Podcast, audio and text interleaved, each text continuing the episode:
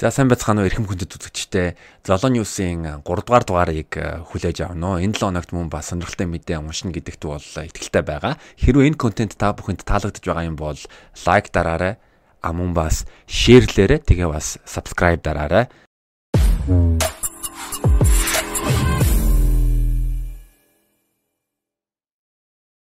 За эхний мэдээгээ уншийе. Сон Хён Мин Ференц Пушкашийн нэрмжит шагналыг э, хүртэж явжээ. Ференц Пушкаш бол 1950-ад 60-ад оны үед Реал Мадридын довтлогчоор тоглож байсан.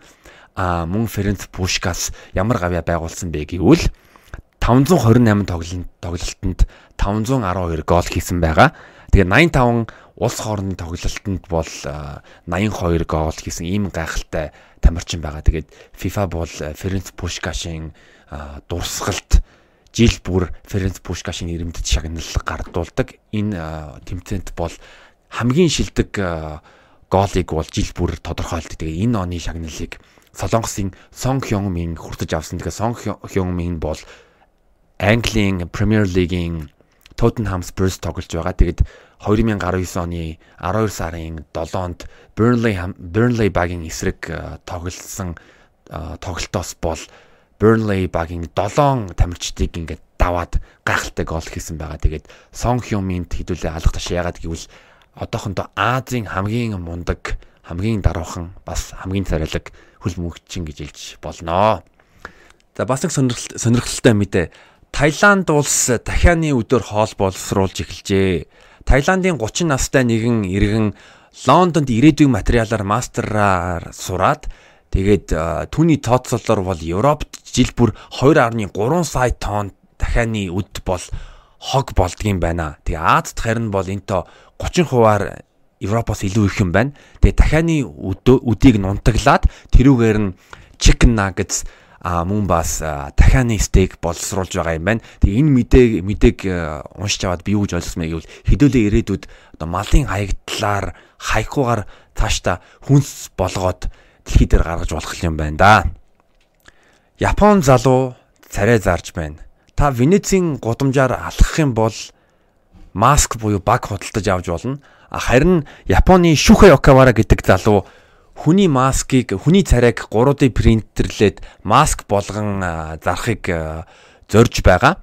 Тэгээ энэ залуу 100 залуучуудаас царайны зургийг нь аваад нэгийг шалгаруулад тэгээд түүнд түүний царайг ашиглаж болно гэд 40 мянган йен гардуулсан өөрөөр хэлбэл энэ бол 1.1 сая төгрөг байгаа юм. А тэгээд эх жилээс тэр 3D принт маскыг нь олон нийтэд зарахыг зарахыг зорж байгаа. Тэгээд нэг маскных нь үнэ нь барагцаагаар 960 доллар байх юм байна да. Тэгээд тийм болохоор хүмүүс одоо жихнээс яг олон царайтай байж болох юм байна. Сингапур улс үндэсний гавьяат залуучууд шагналаа гардуулжээ.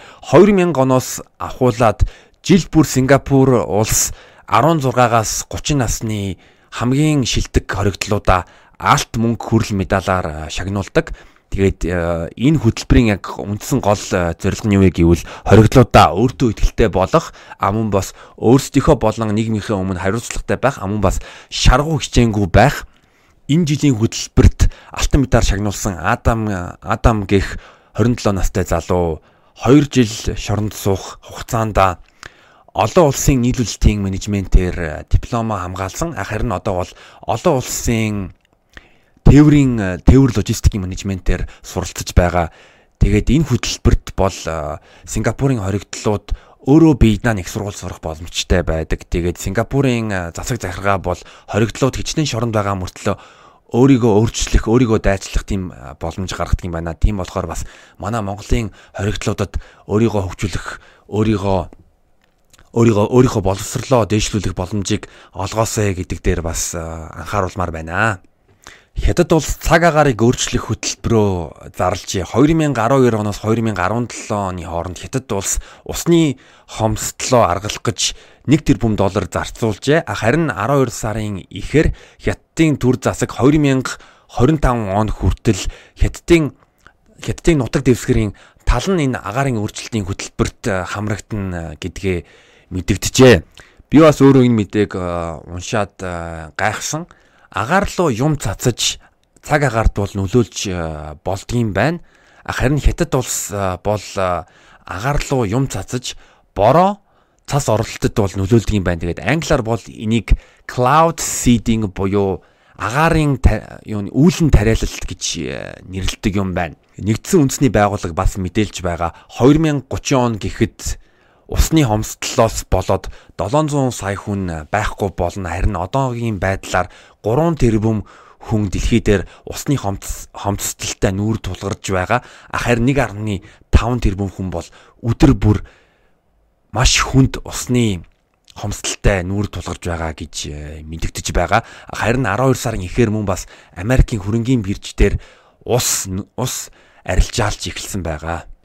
K-pop-ийн хамгийн баян хосоор Rainted Kimтэй хөө тодорлоо. Тэр хоёр 2017 онд гэрэлсэн. Тэгээд 2017 оны судалгаагаар тэр хоёрын үл хөдлөх хөрөнгийн үнэлгээ бол 43 сая доллар байгаа. Тэгээ Rain бол манай зарим үдгчид маш сайн мэдж байгаа. 1998 онд бол карьерээ эхлүүлсэн. Тэгээ 2004 онд Full House гэдэг Солонгосын олон ангид кинонд тоглоод Аз даяар маш их танигдсан. Харин 2009 онд Ninja Assassin гэдэг кинонд тоглоод дэлхийд даяар танигдсан ийм мундаг мундаг жүжигч солонгосын жүжигчин байгаа. Тэгээ Raining өөрийнх нь нийт хөрөнгийг бол 49 Америк сая доллараар бол үнэлэгдэж байгаа юм байна лээ. Монголын хамгийн баян хос хийм бэ гэдгийг бас та бүхэн коммент диск дээр бичээрэй. Гонконг хот дэлхийн хамгийн өндөр өртөгтэй хотоор шалгарчээ. ESA International жил бүр дэлхийн хамгийн өндөр үрдэгтэй хотуудыг шалгаруулдаг, тэгээ жагсаадаг. Тэгээд тооцоол хийхдээ бол үл хөдлөх хөрөнгийн төрөөс төрөөс болон мөн бас хоол хүнсний үртэг а тэгээ бас чөлөөт цагийн цэнгэний зардлыг тооцоолоод дэлхийн хамгийн үнэтэй хотоор Гонконг шалгарчээ. А мөн бас Азаас бол Токио 2-д жагсан, Сөүл 8-д жагсан а өөрчин Японы Йокохама бас 10 жагсаад а мөн бас Бээжин, Шанхай, Гуанчжоу, Шинжин хотууд нар Азаас бас орсон бэлээ. Давхар бас давхар бас Сингапур орсон тийм болохоор Азад бол ер нь амьдрах баг багаар үнэтэй болж байгаа. Харин манай Улаанбаатар хот маань хэр үнэтэй юм бол та нар юу гэж бодож байна бас комент бичээрэй. За энэ бас маш сонирхолтой мэдээ Хятадын банкир үйлчлүүлэгчээсээ 412 сая доллар залилжээ. Жан Ин гэдэг нэртэй бүсгүй Хятадын хамгийн шилдэг сургуулиудын нэг Ренминик сургуулийг төгссөн. Тэгэхээр тэр 2011 оноос Миншэн гэдэг банкын нэг салбарыг Бээжинд хариуцаад удирдах явсан. Тэгэд 2011 оноос 2017 он хүртэл үйлчлүүлэгч нартаа хуурамч санхүүгийн э, бүтээгдэхүүн э, зарсан тэрийг нь бол маш өндөр хүүтэй бүтээгдэхүүн э, гээд зараад тэгээд нийт 2.7 тэрбум яан буюу 412 сан сая доллар залилжээ. Тэгээ саяхан хятадын шүүхтүүнийг насаараа хорих яллаар шийдэгжээ. Тэгээ тийм болохоор ер нь бол альва хүнийг эсвэл альва хүмүүсийг бүлэг хүмүүсийг хулигдах юм бол хизэн нэгэн цагт шийтгэл ирнэ. За тэгээ энэ 7 хоногийн мэдээ ийм байлаа. Тэгээ хэдүүлээ дараачийн дугаард уулзъя. Хэрэв энэ контент таалагдж байгаа бол лайк дараарай, шеэрлээрэй, мөн бас subscribe дараарай. Баярлалаа.